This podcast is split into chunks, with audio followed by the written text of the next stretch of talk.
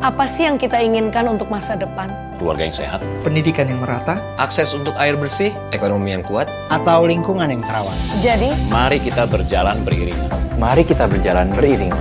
Mewujudkan cita-cita kita bersama. Mewujudkan cita-cita kita bersama. Dan pastikan tak ada satupun kawan kita yang tertinggal di belakang. 17 tujuan untuk mengubah Indonesia yang lebih baik.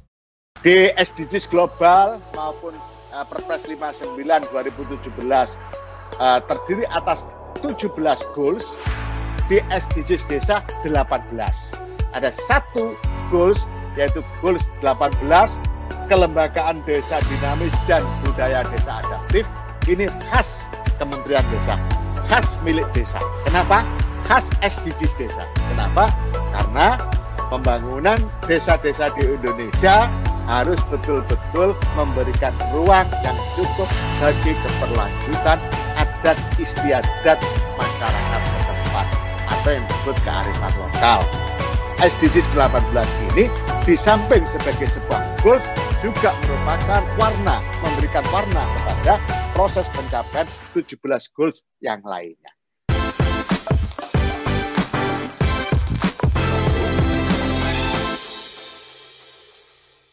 Selamat pagi sarapan SDGs Desa, salam bahagia kerabat desa Indonesia menggantikan Mbak Umay yang kebetulan sedang ada acara lain. Pagi ini sarapan kita mengangkat tema bagaimana cara mewujudkan desa sehat dan sejahtera itu adalah SDGs Desa Goals ketiga.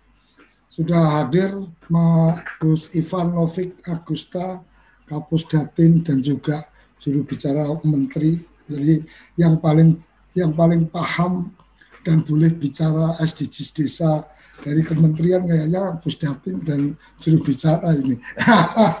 Pagi Gus, sehat Gus? Siap, terima kasih Gus Koco. Silakan Gus. Iya, apa namanya pembahasan kita mengenai SDGs desa nomor tiga ini saat ini menemukan momentumnya yaitu terutama karena kita sedang mengalami pandemi COVID-19. Ya. Jadi kerabat desa dan Gus Koco, jadi kita cek di tahun 2020 dengan data pada level desa, ya, belum sampai ke level keluarga dan individu. Ya. Ternyata jaringan yang paling banyak dari masing-masing goals SDGs desa itu, dari masing-masing tujuan SDGs desa itu yang paling banyak punya korelasi dengan eh, tujuan-tujuan SDGs desa yang lain itu adalah kemiskinan SDGs desa nomor satu dan kesehatan SDGs desa nomor tiga ya. Jadi artinya apa? Artinya kalau desa itu bisa mempertahankan kesehatan warganya ya maka tujuan-tujuan dari SDGs desa yang lain itu ikut kena dampaknya gitu ya. Sehingga kalau kesehatan warga desa itu naik, maka SDG desa yang lain juga ikut naik. Jadi ada tahun lalu 2020 itu ada dua SDG desa yang berpengaruh ke yang lain. Jadi artinya apa? Secara nasional prioritas penggunaan dana desa itu harus fokus paling tidak di dua itu, yaitu kesehatan dan dan penanggulangan kemiskinan itu.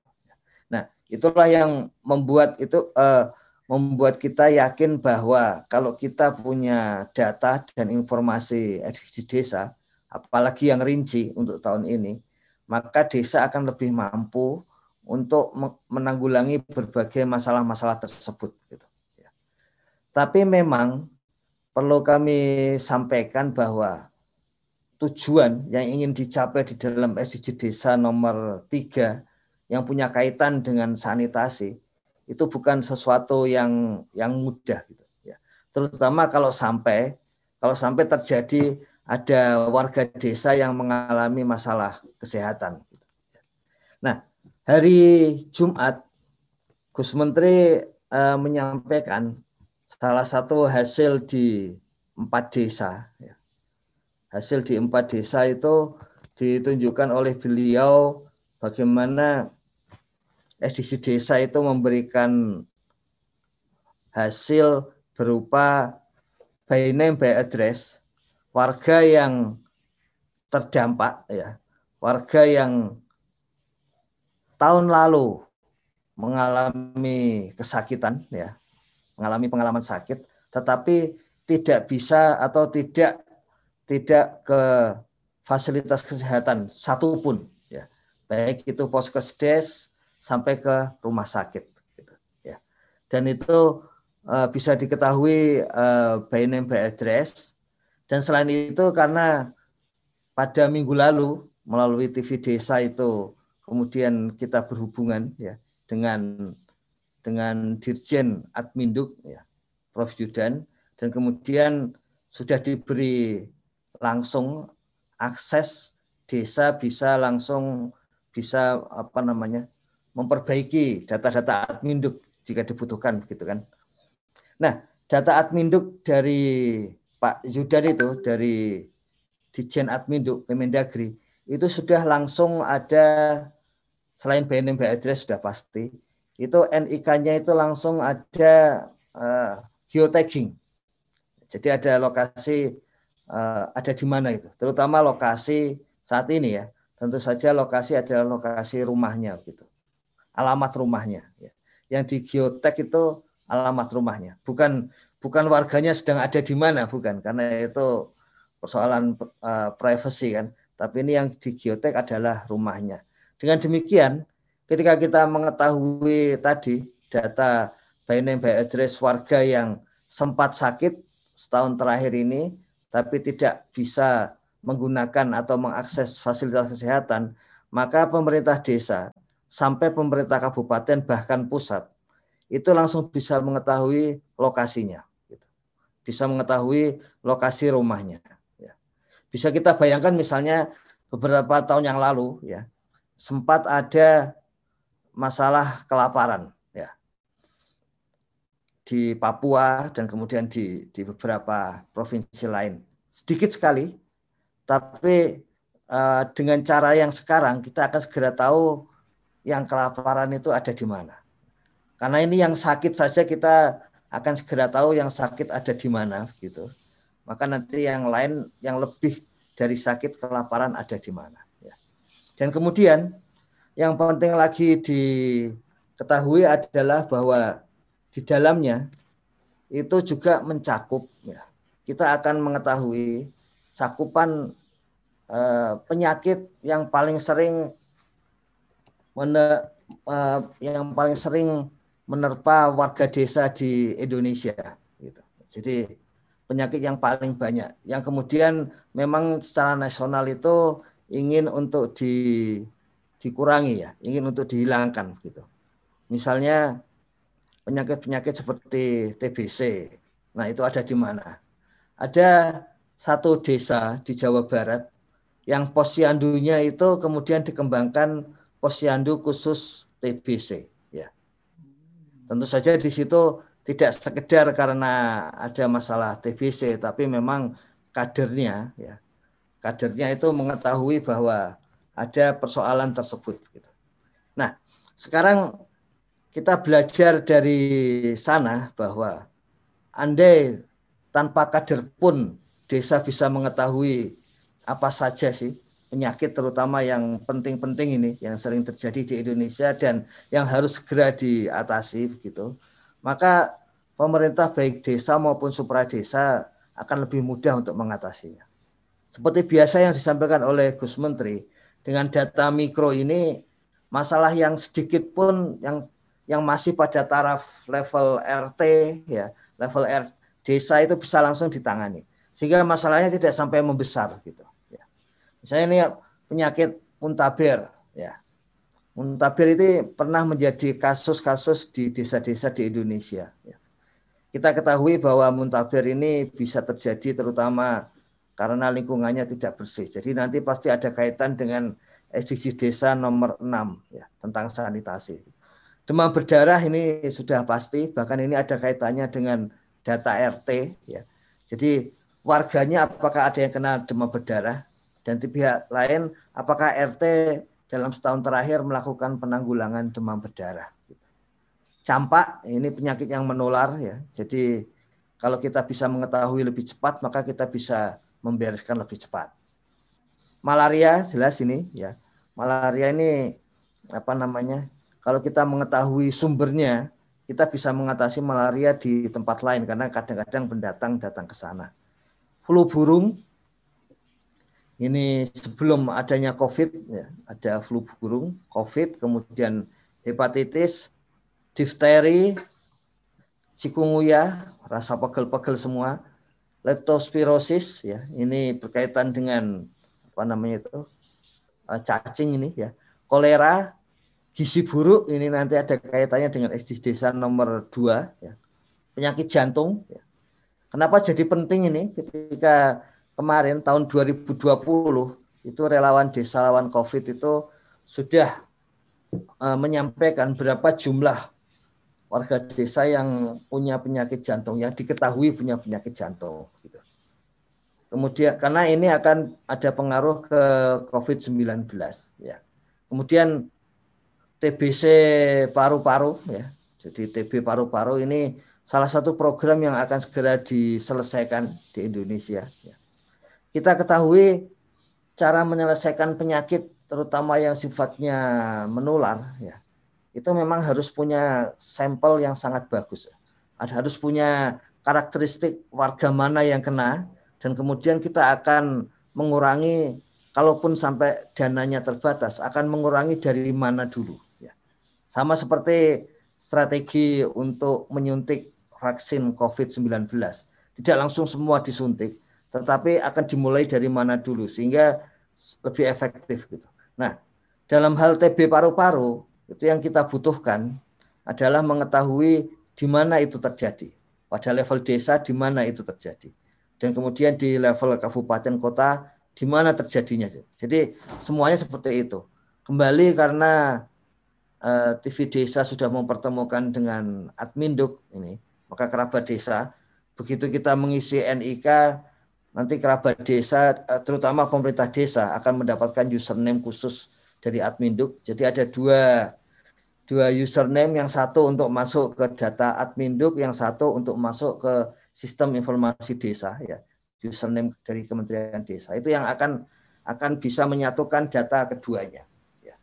Nah, di situ nanti bisa diketahui sampelnya ada di mana. Ya, kalau mau diketahui TB itu kan kita ketahui misalnya kalau yang tua tidak relatif tidak menular ya kepada yang muda begitu maka bisa dikelompokkan antar antar umur. Kanker, kemudian diabetes atau kencing manis, lumpuh dan lainnya.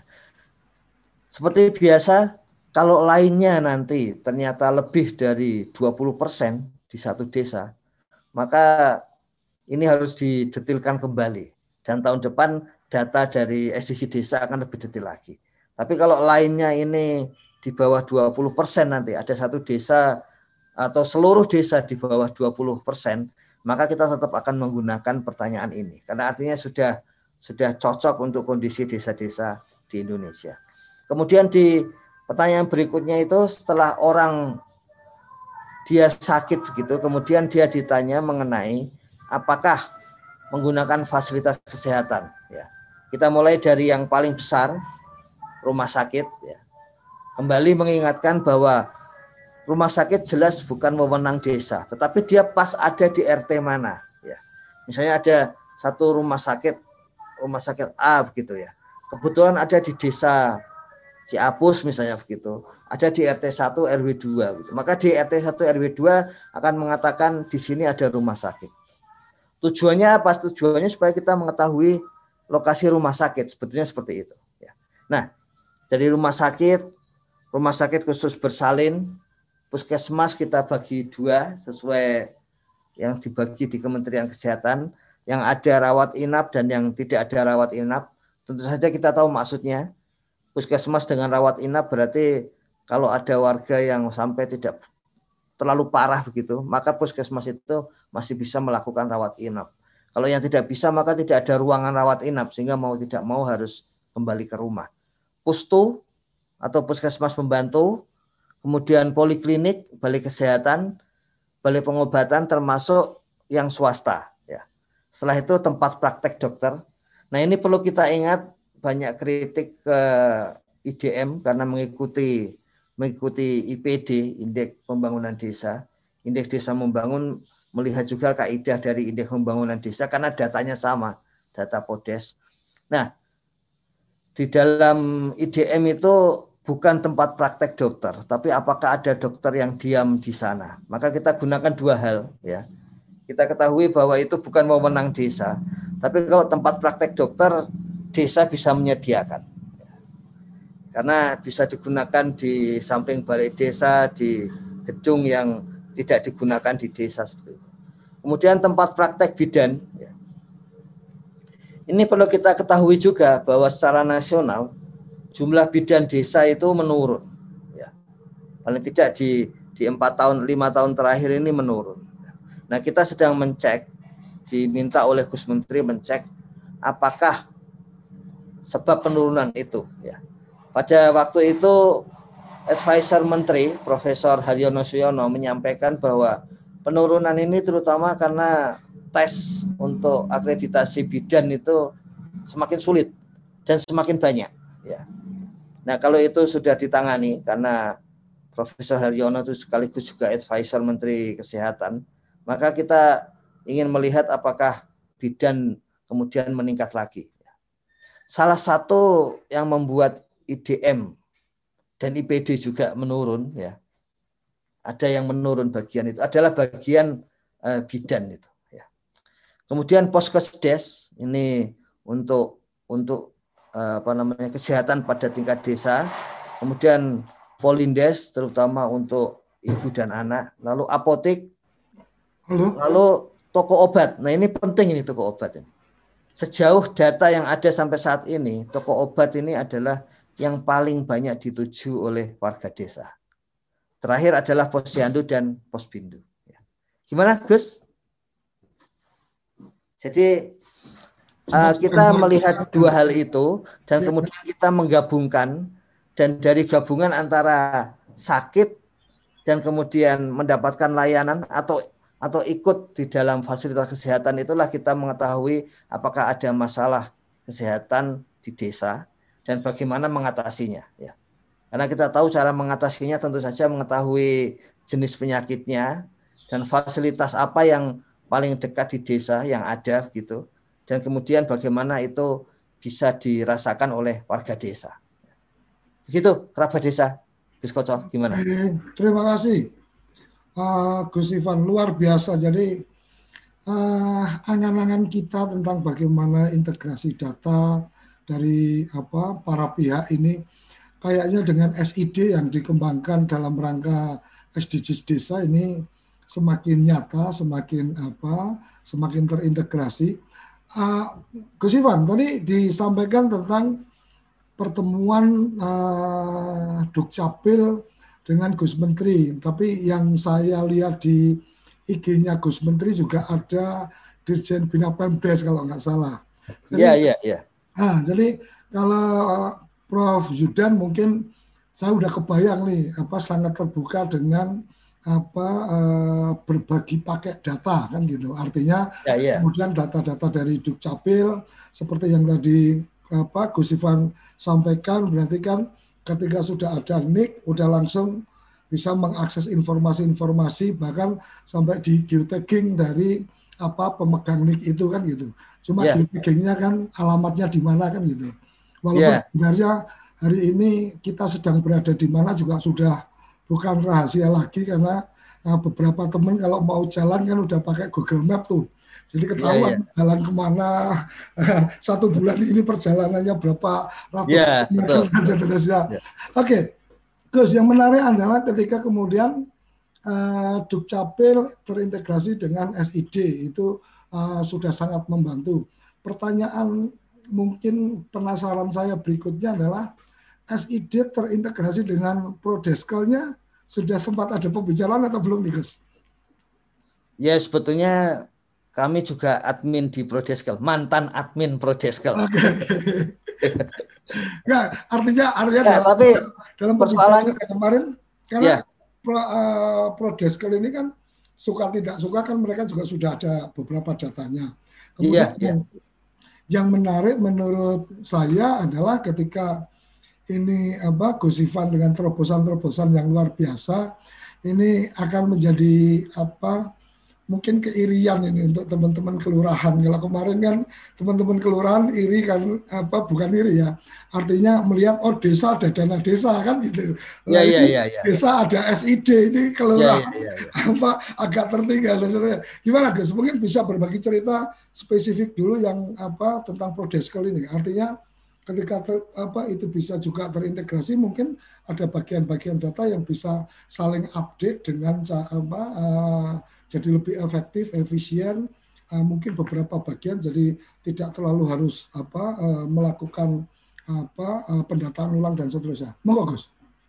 Iya betul. Saya kira soal pendataan ulang itu memang tidak akan dilakukan. Tapi ini kan memang masih uh, sebatas di Kementerian Desa, Gus Koco ya. Jadi uh, dari Gus Menteri itu sudah menyampaikan bahwa ini untuk kepentingan desa gitu ya. ya. Jadi bahwa Kementerian Desa melakukan hal ini harus dinilai bahwa apakah ada manfaatnya bagi bagi desa itu. Jadi begitu. Jadi termasuk apakah akan digunakan oleh kementerian lain. Sebetulnya tidak ada dari awal itu Gus Menteri menyampaikan bahwa kita tidak ada dan tidak boleh punya apa angan-angan gitu ya, punya punya target gitu supaya digunakan kementerian lain sama sekali tidak targetnya itu sebetulnya adalah digunakan oleh desa gitu. Jadi jadi semata-mata itu. Kalau kemudian terbuka ruang terbuka ruang untuk kemudian berbagi pakai kalau memang mereka-mereka membutuhkan dan seterusnya gitu. Ya. Ya kalau kalau itu jelas pasti ya. Cuman bahwa nanti apakah ini supaya bisa digunakan kan sering kali muncul oh kalau gitu mungkin bisa digunakan oleh Kementerian Kesehatan, Kementerian uh, dalam negeri, Kementerian Keuangan dan sebagainya. Ya bisa saja dari sisi teknis bisa, tapi itu menggunakan itu kan bukan hanya teknis, Gus. Itu kan hmm. soal kebijakan, apakah mau pakai data yang yang mana gitu. Minggu depan ini juga akan presentasi ya apa namanya diskusi begitu rapat antara Gus Menteri dan Menteri Bapenas karena satu data itu ada di Bapenas ya dan kemudian di dalam salah satu rapat di kabinet itu memang disebutkan seperti itu ya jadi perlu perlu ada apa yang perlu diambil dari sistem informasi desa oleh oleh Bappenas. Nah berkaitan dengan uh, Kemendagri yang Pak Yusharto Dirjen Bina Pemdes yang ikut bertemu kemarin ya. ya. Dirjen Bina Pemdes, Dirjen Adminduk dan Gus Menteri pada Kamis malam itu. Satu hal yang menarik ini Gus Koco, memang jelas Pak Yusharto atau Dirjen Bina Pemdes itu memang ada arahan juga, bahkan siangnya sebelum ketemu ada arahan dari Menteri Dalam Negeri memang sebisa mungkin, sebanyak mungkin melakukan integrasi di semua hal, ya, di semua hmm. hal. Ya. Oleh sebab itu di satu pihak bisa saja soal prodeskel dengan kementerian dengan SID digabungkan gitu. Bahkan sebetulnya kan ide SID sampai ke desa itu kita lihat dari APBDes memang langsung merujuk ke keluarga dan rumah tangga ya. Hmm. Dan dan sebetulnya Indonesia pernah membuat data pada level individu yaitu SIA ya. Meskipun hmm. data pada level level RT belum pernah digunakan ya Padahal itu dipakai desa, tapi level individu pernah digunakan di profil desa dan kelurahan. Siak itu. Ya. Tapi karena persoalannya kembali lagi tadi, itu adalah persoalan setelah teknis, ada persoalan kebijakan. Ya. Apakah diharuskan, apakah itu kemudian hanya menggunakan data itu dan sebagainya. Seperti itu Gus. Jadi ya. tapi yang menarik dengan Pak Yusharto yang kita akan gabungkan ya, ya. itu adalah data Cisco Des. Oh, okay. ya. Nah, apa arti arti pentingnya? Begini, Gus. SID akan menghasilkan data, ya. Nah. Kemudian diolah. Ya. Hmm. Setelah diolah, kemudian akan menghasilkan rekomendasi yang pasti hmm. sangat sangat detail dan teknis ini, ya. Hmm. Dengan gabungan antara Cisco Des dan SID, kemarin kita tahu bahwa untuk Cisco Des itu uh, ada di tangan Kemendagri ya. Selama Kemendagri tidak bersedia untuk menggabungkan, maka BPKP juga tidak akan menggabungkan meskipun itu aplikasinya ada di BPKP. Nah, Pak Yusarto langsung menyampaikan itu oke okay, ya. Dan itu segera kita kita tindak lanjuti hari hari ini juga, minggu ini juga. Hmm. Nah, jadi kan idenya memang bahwa hasil-hasil rekomendasi itu itu adalah aspek minimal yang harus ada di RKP Des. Ya. Karena supaya bahwa data itu memang atau perencanaan pembangunan desa itu memang berbasis data gitu. Jadi data dan kemudian rekomendasi itu memang harus masuk ke RKP Des. Ya. Nah begitu RKP Des ada maka APB Des itu harus merujuk kepada RKP desa. Gitu. Nah bisa dibayangkan bahwa untuk tahun depan ya artinya mulai bulan Juli begitu maka APB Des itu di ujungnya nanti APBDes dan kemudian kegiatan. Kegiatan tergantung APBDes, APBDes tergantung RKPDes, RKPDes isinya adalah rekomendasi dari SDGs desa gitu. Dan SDGs desa tergantung pada bagaimana pengisiannya gitu.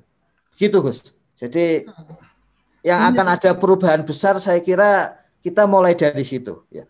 Bahkan kalau prodeskel ya, ya, ya. prodeskel toh akhirnya harus merujuk kepada atau bisa menuju kepada RKP desa.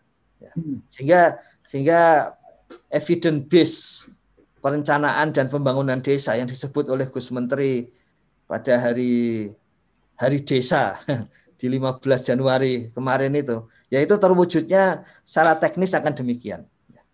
Hal-hal lain tentu saja ada yang akan disatukan seperti desa adat, kode wilayah desa adat itu sudah terbuka. Jadi eh, bagaimana peran dari Kementerian Desa, terutama karena fungsi untuk mencek desa adat di Kementerian Desa, tapi jelas kode wilayah desa adat ada di Kementerian Dalam Negeri gitu.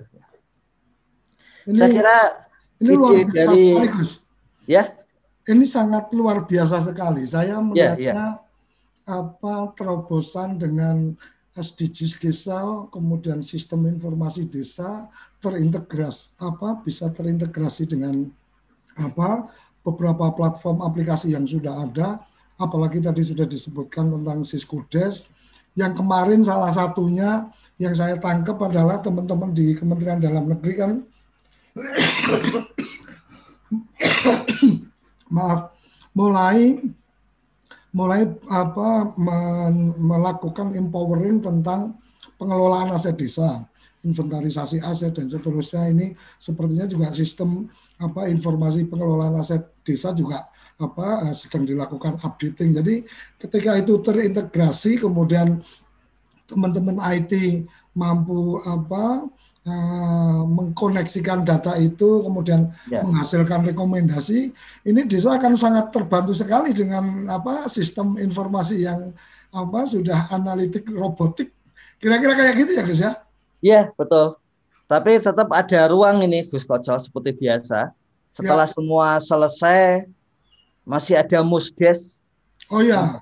Untuk memberikan legitimasi akan pakai atau tidak gitu. Ya. Artinya tetap apa kekuasaan desa memutuskan yeah. itu tetap ada bahwa yeah. supra desa nah, hanya membantu untuk memudahkan mereka membuat apa kebijakan-kebijakan berbasis data kan kira-kira kayak gitu Gus. Ya. Begitu Gus. Oke, oke Gus, kembali ke uh, urus apa agenda kita tentang kesehatan dan kesejahteraan. Tadi disampaikan tentang apa uh, bagaimana kesehatan ada apa eh, posyandu dan seterusnya ada bidan desa yang jumlahnya mulai menurun dan seterusnya. Gus, saya sempat kepikir pernah satu saat saya men, apa, mengikuti kan ada program dokter keluarga, artinya satu dokter dia bisa melayani beberapa keluarga. Jadi kayak walaupun saya tidak sebagai orang seorang yang miliarder atau yang apa yang kaya raya tapi saya punya dokter keluarga karena hmm. cukup dengan beriur berapa maka kemudian dokter itu menjadi apa uh, menjadi dokter keluarga kita dan seterusnya saya membayangkan ketika data yang tadi apa eh, SID detail sampai ke di RT itu ada dokter atau tidak, artinya profesi dokter ada atau tidak dan seterusnya. Kayaknya kalau umpama me, mengarah kepada ada dokter desa, artinya seorang dokter yang kemudian dia tempat apa uh, rujukan untuk warga desa, konsultasi dan seterusnya dan dialokasikan dari apa anggaran desa sangat mungkin ya Gus ya. Sebetulnya sangat mungkin itu.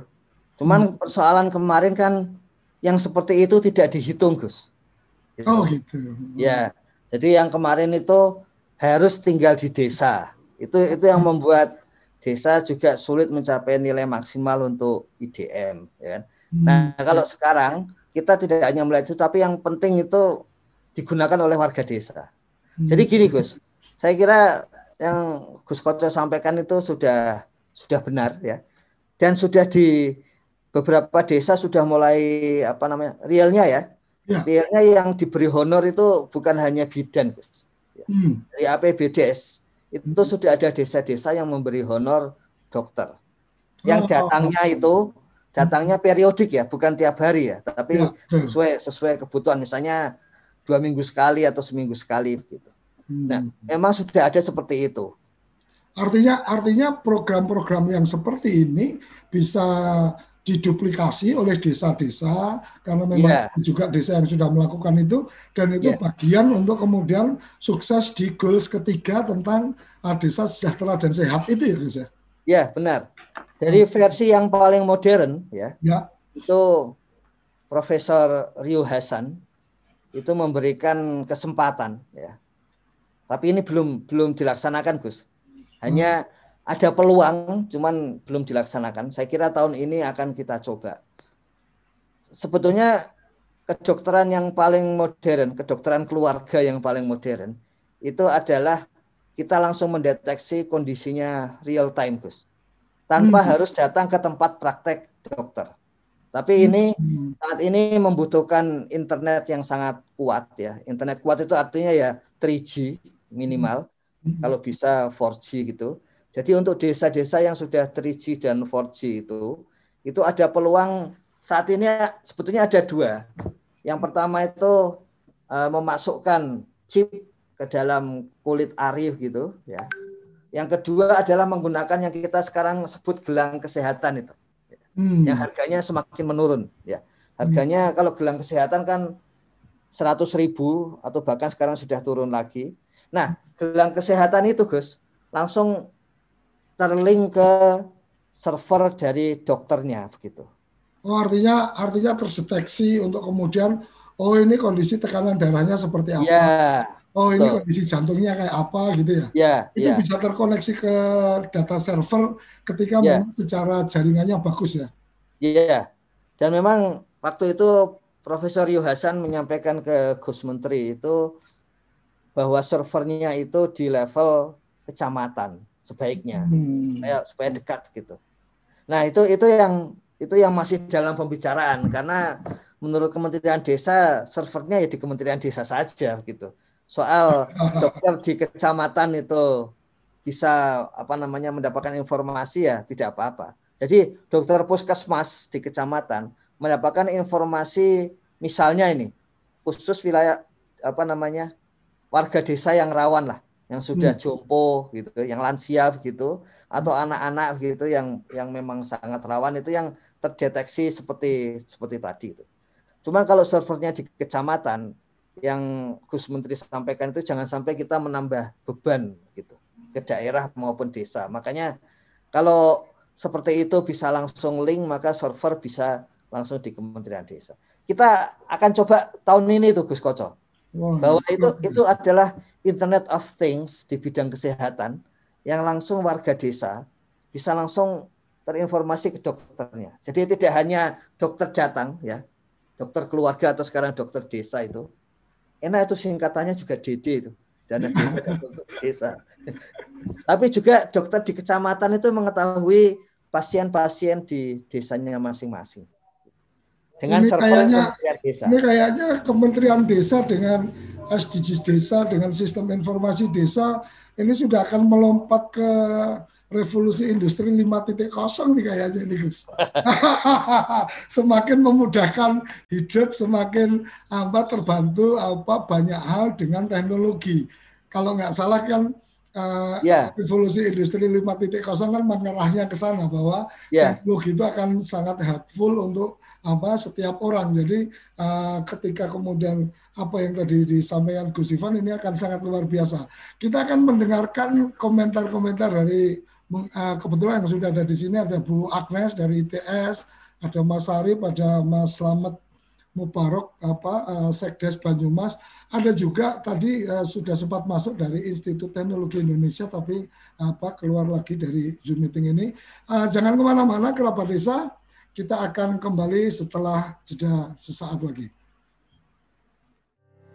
Kamu tinggal di pulau terpencil pegunungan pinggiran kota atau daerah di Indonesia yang tidak terjangkau jaringan fiber ADSL, dan juga 3G.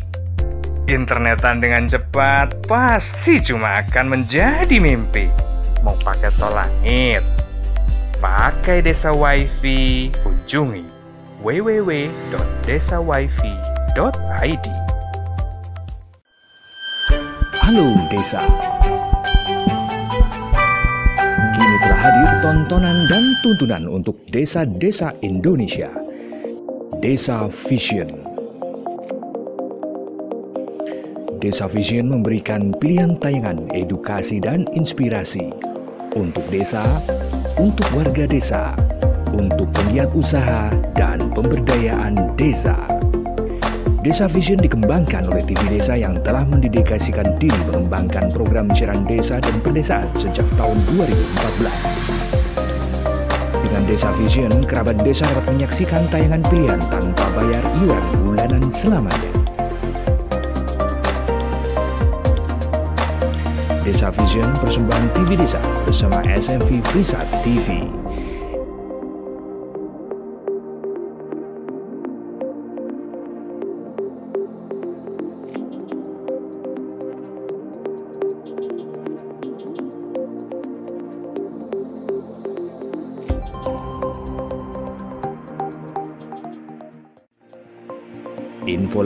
Kunjungi desavision.id. SSFF 2020 by TV Desa dan Rumah Film Avandi.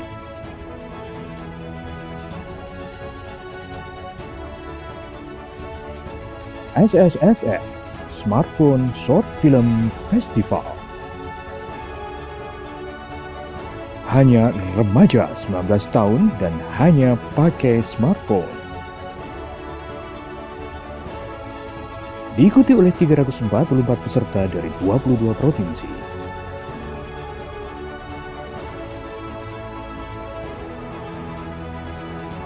Ikuti info lengkap di www.ssff.tvdesa.id.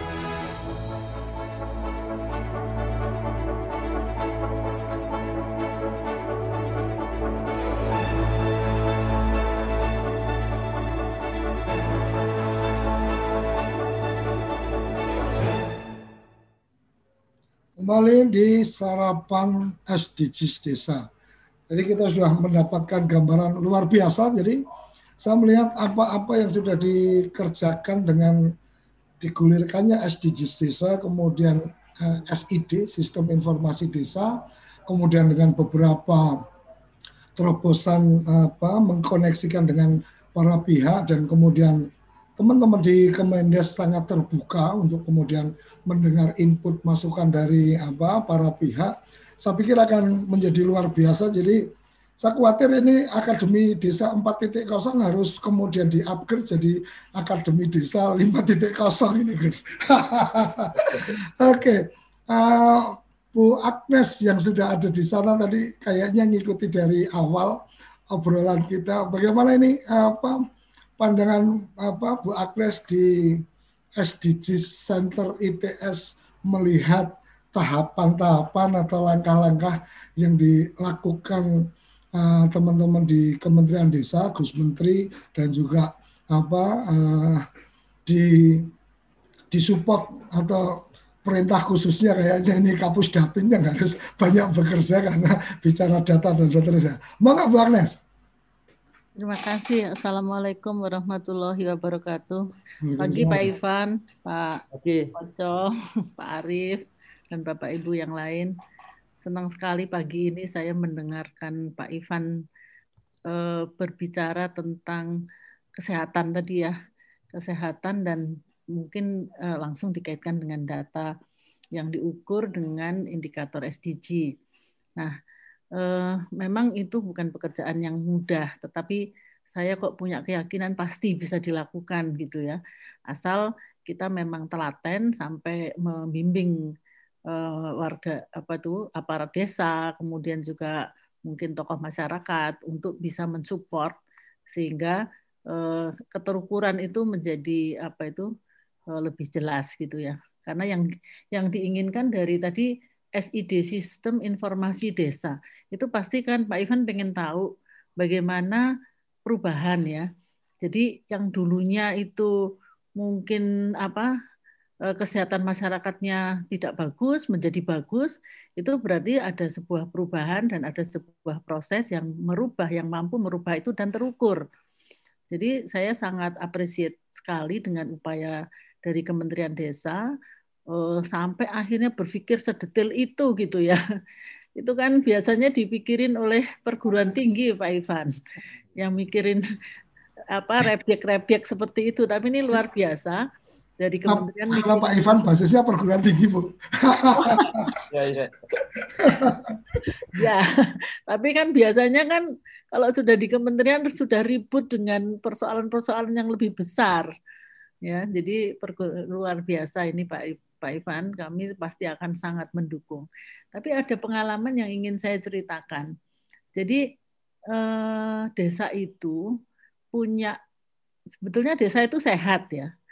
Ada yang membuat tidak sehat apa? Biasanya kan karena ketersediaan air bersih yang yang yang yang mereka kan seadanya Pak. Ya, jadi misalnya punya sumber air bersih yang bagus, disalurkan sampai ke rumah itu pakai pipa-pipa apa itu namanya pipa plastik itu terus ditali sama rafia gitu ya. Jadi bakteri itu masuk. Itu karena kami pernah ITS itu pernah kerjasama dengan eh, bahkan dengan Uni Eropa untuk meng, apa eh, apa ya itu mempelajari mengenai itu bagaimana sanitasi desa itu. Kemudian yang Berarti kunci kunci kesehatan di sanitasi sebenarnya di iya. awalnya mungkin ya. Nah, kemudian sanitasi sehat. Jadi penduduk desa itu kan BAB sembarangan, Pak. Mengapa BAB sembarangan? Pertama dia nggak ngerti mengenai uh, seharusnya bagaimana. Jadi ada yang di kebun, ada yang di sungai langsung dan seterusnya. Itu yang membuat mereka itu akhirnya angka kematian bayi tinggi. Itu yang pernah saya lihat ya, Pak ya. Jadi kenapa angka kematian saya itu sampai ngelihatnya gini Pak Ivan. Kok di sini tuh eh, kuburannya maisan apa maisan itu Pak? itu kecil-kecil gitu. Berarti kan hmm. banyak bayi yang meninggal. Nah, ternyata memang di situ adalah daerah yang sanitasinya jelek. Jadi air bersihnya nggak bagus. Itu daerah-daerah Madura itu Pak, Pak Ivan. Kemudian yang kedua daerah eh, apa itu namanya itu tapi dulu ya saya keliling-keliling di Madura suka gitu. Kemudian yang kedua adalah memang BAB sembarangan tadi itu masih terjadi. Nah itulah mengapa dulu ITS itu kerjasama dengan eh, apa itu namanya sampai sekarang nih Pak Evan soal sanitasi ini ya. kita masih kerjasama. Itu bagaimana sih menyadarkan eh, IWOS ya saya kerjasamanya dengan IWOS. Jadi bagaimana menyadarkan masyarakat untuk eh, hidup sehat, yaitu tidak BAB sembarangan, kemudian rumahnya sehat, kemudian tidak BAB sembarangan itu ternyata prosesnya panjang Pak Ivan. Karena mereka pertama harus sadar dulu, kemudian dia mau mempunyai WC, mau hmm. mempunyai WC sehat. Ya. Nah, mereka itu eh, misalnya asal digali, kemudian eh, apa itu namanya sampai waktu itu eh, dikatakan oleh IWAS sudah nggak apa-apa, asal digali saja di rumahnya dan jauh dari apa sumber air, itu sudah sehat katanya daripada dia ngawur gitu. Hmm. Padahal itu sebetulnya ya belum sehat. Kami itu sampai pernah mencoba eh, mengajak, jadi saya cuma bondo berapa 15 juta kalau nggak salah, tapi akhirnya bisa membuat mereka itu ODF namanya, Open Defecation Free. Sampai seperti itu dengan cara apa? Saya bantu ya, saya belikan uh, apa itu namanya klosetnya, tapi nanti bangunnya sendiri gitu. Dan ternyata itu sukses. Mereka tuh ternyata punya uang loh Pak, untuk mau hidup sehat itu. Nah, yang berikutnya lagi pernah kita tuh mendapatkan bantuan dari uh, Bill Gates Foundation yaitu namanya programnya TSSM, saya ingat sekali, Total Sanitation uh, Marketing. Jadi uh, Total Sanitation Marketing itu mengajari orang desa untuk bisa ber apa itu namanya berbisnis sanitasi, sanitasi. Jadi orang tukang-tukang itu diajari bisnis sanitasi, melayani orang-orang yang butuh dengan cara apa? Dengan cara arisan. Nah, bagi orang yang punya jiwa entrepreneur ternyata itu sukses. Tapi tukang tuh ya tukang. Akhirnya yang yang punya jiwa entrepreneur itu eh, jarang gitu. Sehingga tukang ya tetap jadi tukang. Nah, saya kok berpikir seandainya BUMDes ya, BUMDes itu bisa punya eh, apa itu namanya program tadi eh, marketing sanitation itu. Karena yang dimarketkan yang dimarketingkan itu bukan hanya barangnya tetapi idenya. Hidup sehatnya itu yang dimarketingkan itu di di program itu. Sehingga akhirnya mereka berbondong-bondong arisan e, beli WC dan sampai jadi gitu. Sampai kita tuh punya cetakannya punya pokoknya sudah standar semua. Dan metodologinya pun kita punya pak nah kalau misalnya itu bisa diimplementasikan ke depan ya karena dulu itu eh, masih dengan Kementerian PU kalau nggak salah atau dengan Kementerian Kesehatan ya saya lupa. Tapi eh, dua-duanya sih kita pernah kerjasama. Tapi dengan adanya Kementerian Desa kalau itu menjadi target SDG desa tadi yang akan diukur dengan indikator tadi, saya kira kalau itu betul apa itu namanya dikembang diulang lagi gitu Pak Ivan, mungkin kan cepet gitu. Bayangan saya gitu. Kami punya paket itu Pak Ivan. Kalau misalnya dibutuhkan. Jadi dan bisa di uh, apa itu dijadikan program khusus oleh uh, Kemendes untuk mencapai SDG yang di bidang kesehatan tadi itu. Saya kira anak anak-anak muda desa saya kira mau itu karena ada uangnya ya. Artinya bukan hanya sekedar gotong royong, bangun WC, kemudian dia tidak dapat duit, enggak. Karena kita ajari bisnis, misalnya seperti itu. Tapi Artinya ada, ada bisnis di dalamnya yang kita iya, apa, karena uh, Dulu waktu itu saya menentang waktu ada orang dari Bill Gates Foundation datang ke sini orang Amerika, saya bilang nggak mungkin, saya bilang gitu. Tapi terus setelah iya nggak mungkin karena saya merasa ini tukang, saya bilang gitu. Tapi iya. terus setelah itu saya berteman dengan uh, orang yang interest ke sana dan bukan tukang tapi tetapi itu bisa dijalankan. Nah, prosedur itu bisa di uh, apa itu namanya ditularkan ke mana-mana di program desa yang mencapai SDG 3 tadi itu. Okay. Ya. Karena hulunya di situ. Kalau itu sehat, mungkin dokter-dokter tadi lebih enteng gitu. Ya. Nah, ini tingkat diare tinggi, tingkat kematian bayi tinggi itu urusannya di situ. Di sanitasi air bersih tadi Pak Ivan. Oke. Okay. Oke, okay, uh, Bu Agnes. Jadi ini menarik memang kalau bicara air bersih dan sanitasi uh, tahun 90 90-an saya waktu masih mahasiswa waktu itu uh, ada konsep desa binaan kita kemah kemah bakti mahasiswa itu salah satu yang kita kerjakan adalah memang mendorong mereka untuk terbiasa apa BAB di apa di uh, di kakus atau di ruang tertentu itu uh, tahapannya memang harus apa harus ada proses. Jadi uh, tempat mereka biasa nongkrong di mana kita bikinkan bedeng. Mereka kemudian merasa oh ternyata nyaman kalau di tempat tertutup tahun berikutnya kita masuk kita bikin apa uh, uh, kakus atau WC ini di atas kolam warga. Jadi kemudian apa uh, apa yang apa BAB itu masuknya ke kolam dan seterusnya. Yeah. Nah, tahun berikutnya ternyata ada kesadaran bahwa Om merasa nyaman, oh ternyata bisa juga kalau aku punya kolam dibikin kayak gini dan seterusnya. Jadi ini memang apa butuh waktu apa prosesnya panjang. Ya prosesnya panjang dan memang yeah. perlu kesabaran untuk itu. Ini ini ini menarik apalagi yang tadi Bu Agnes sampaikan tentang ide bagaimana ada entrepreneurnya di situ dan seterusnya. Uh, Mas Gus Iwan, silakan uh, diberikan respon atas ide yang luar biasa tadi. Iya, iya. Memang apa namanya kalau kemudian dikaitkan dengan BUMDes sudah pasti klop itu ya. Karena memang juga berkaitan dengan sanitasi dan sanitasi apalagi yang air bersih itu sangat mudah dikaitkan dengan BUMDes. Tinggal sanitasi yang berkaitan dengan MCK ini persoalannya ya. Hmm. Tapi saya tunjukkan ini Bu Bu Agnes dan kerabat desa sekalian. Ini uh, hasil yang diambil dari desa yang hari Jumat lalu disampaikan oleh Gus Menteri misalnya ya bahwa ada dari kaitan desa dan desa sehat dan sejahtera desa nomor tiga itu akan kelihatan berapa vaskes yang didatangi. Apa sih pentingnya itu ya kita mengetahui sebetulnya vaskes ini penting apa tidak bagi warga desa. Dan kalau secara medis penting kenapa belum banyak didatangi berarti masih perlu tindakan lebih lanjut gitu. Kemudian yang menderita sakit dan tidak mendatangi ini ada sekian orang begitu ya. Ada di sini sekian orang ini.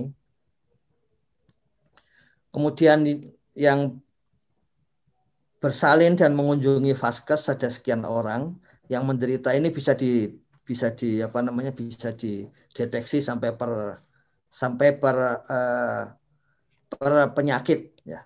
Kemudian tadi dikaitkan dengan SDGs desa nomor 6, desa layak air bersih dan sanitasi.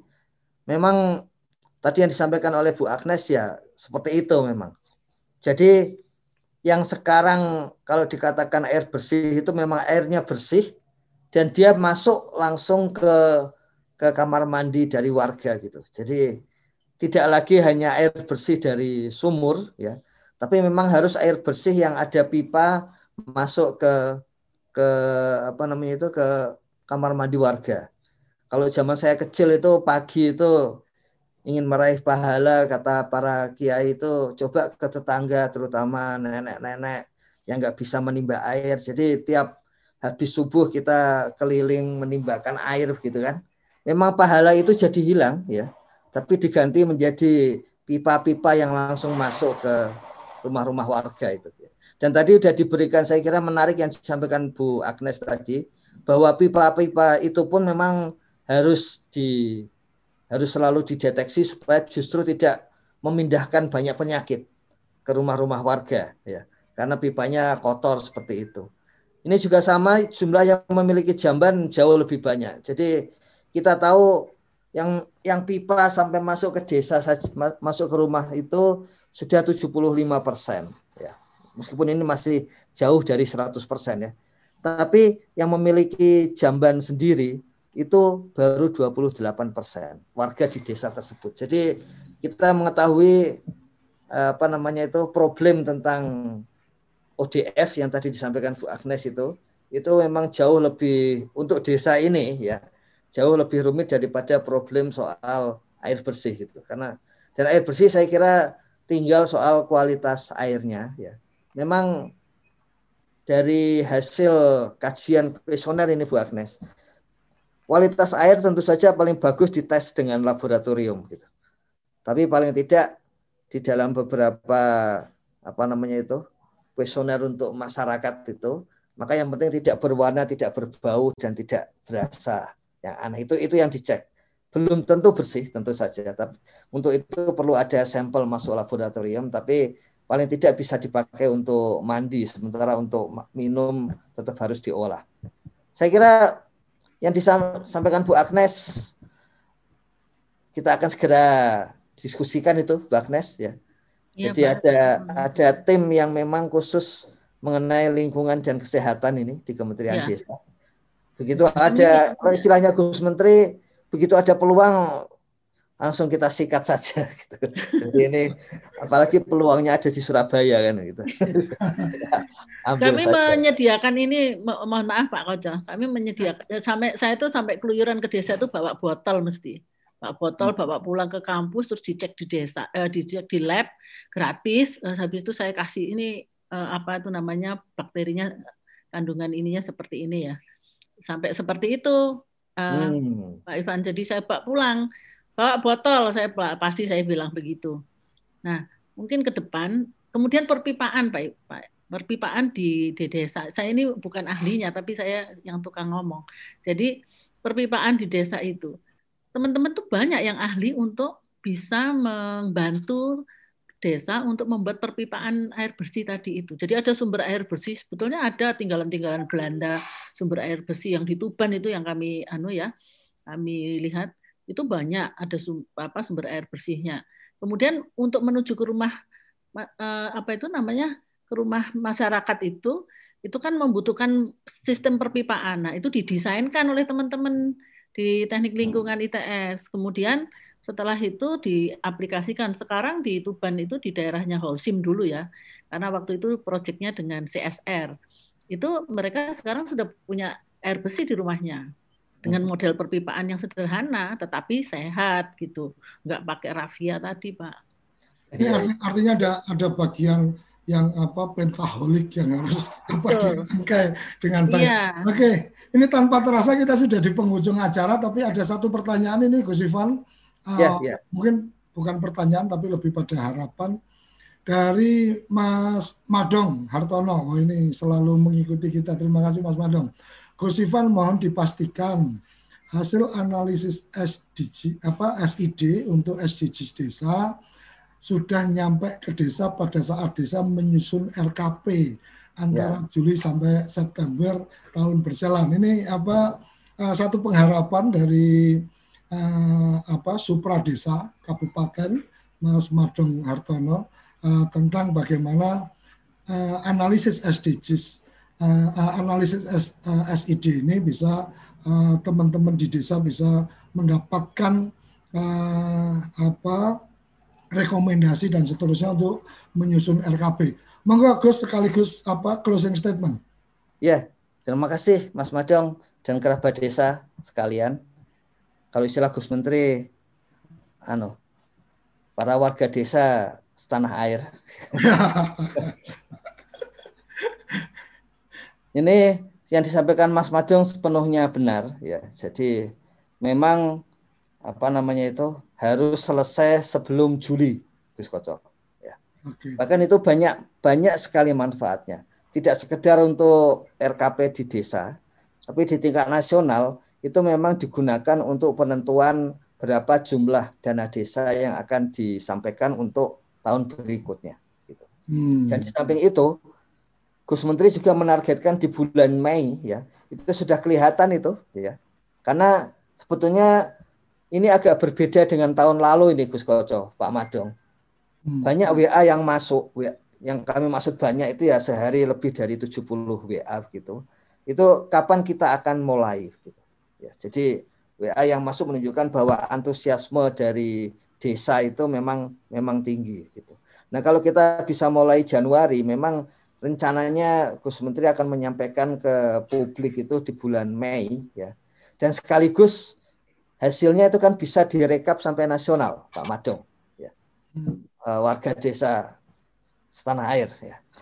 Hasilnya bisa direkap sampai nasional sehingga itu memang hasil yang tidak hanya di desa ya yang perlu menggunakan itu sampai ketika nasional prioritas penggunaan dana desa peraturan menteri desa untuk prioritas penggunaan dana desa tahun 2022 akan sepenuhnya berbasis SDGs desa ini juga berbasis pendataan di SID ini. Jadi kita sama-sama jadi menggunakan hasil yang sama kemudian bisa digunakan sampai kalau kami sampai nasional, Pak Madong tentu saja bisa menggunakan di wilayah kabupatennya begitu. Jadi kita semuanya sama-sama menggunakan dan kemudian bisa sama-sama kalau ada masalah di desa segera kita atasi sampai ke orang per orang dan kalau ada potensi, ada keluarga yang potensial ya, ya kita langsung angkat juga tahun depan gitu. Begitu Gus Koco. Oke, terima kasih. Luar biasa. Dan satu lagi uh, yang mungkin perlu kami sampaikan kerabat desa Indonesia, uh, Gus Ivan juga sudah memutuskan untuk kemudian Akademi Desa punya channel khusus uh, siaran TV-nya. Jadi edukasi-edukasi semacam ini tidak hanya mereka yang kebetulan punya akses internet, kebetulan punya anggaran untuk belanja paket data, tetapi mereka-mereka yang apa uh, cukup memasang apa perangkat parabola mereka sudah bisa mengikuti edukasi-edukasi yang akan disampaikan oleh Kementerian Desa dalam uh, channel khusus yaitu Akademi Desa TV. Kira-kira gitu ya Gus ya? Iya, benar, Oke, benar. Itu salah satu yang kemudian memasifkan edukasi untuk desa-desa, baik warga desa, baik aparat desa maupun penggiat-penggiat desa yang lainnya. Uh, sampai di sini nggak berasa kita sudah di penghujung acara. Satu jam selalu kurang, tetapi kita dari Senin sampai Jumat sehingga kita masih ada waktu untuk siapkan diri bergabung di tiap pagi sarapan SDGs desa pasti penuh gizi, penuh ilmu untuk kita bagaimana ikut berperan serta dalam memajukan desa-desa di Indonesia. Sampai jumpa di episode berikutnya. Jangan lupa Senin sampai Jumat pukul 6 sampai pukul 7 waktu Indonesia bagian Barat hanya di TV Desa. Salam bahagia kerabat desa Indonesia. Terima kasih. Apa sih yang kita inginkan untuk masa depan? Keluarga yang sehat, pendidikan yang merata, akses untuk air bersih, ekonomi yang kuat, atau lingkungan yang terawat. Jadi, mari kita berjalan beriringan. Mari kita berjalan beriringan. Mewujudkan cita-cita kita bersama. Mewujudkan cita-cita kita bersama. Dan pastikan tak ada satupun kawan kita yang tertinggal di belakang. 17 tujuan untuk mengubah Indonesia yang lebih baik. Di SDGs global maupun uh, Perpres 59 2017 uh, terdiri atas 17 goals di SDGs desa 18. Ada satu goals yaitu goals 18 kelembagaan desa dinamis dan budaya desa adaptif. Ini khas Kementerian Desa, khas milik desa. Kenapa? Khas SDGs desa. Kenapa? Karena pembangunan desa-desa di Indonesia harus betul-betul memberikan ruang yang cukup bagi keberlanjutan adat istiadat masyarakat setempat atau yang disebut kearifan lokal. SDGs 18 ini di samping sebagai sebuah goals juga merupakan warna, memberikan warna kepada proses pencapaian 17 goals yang lainnya.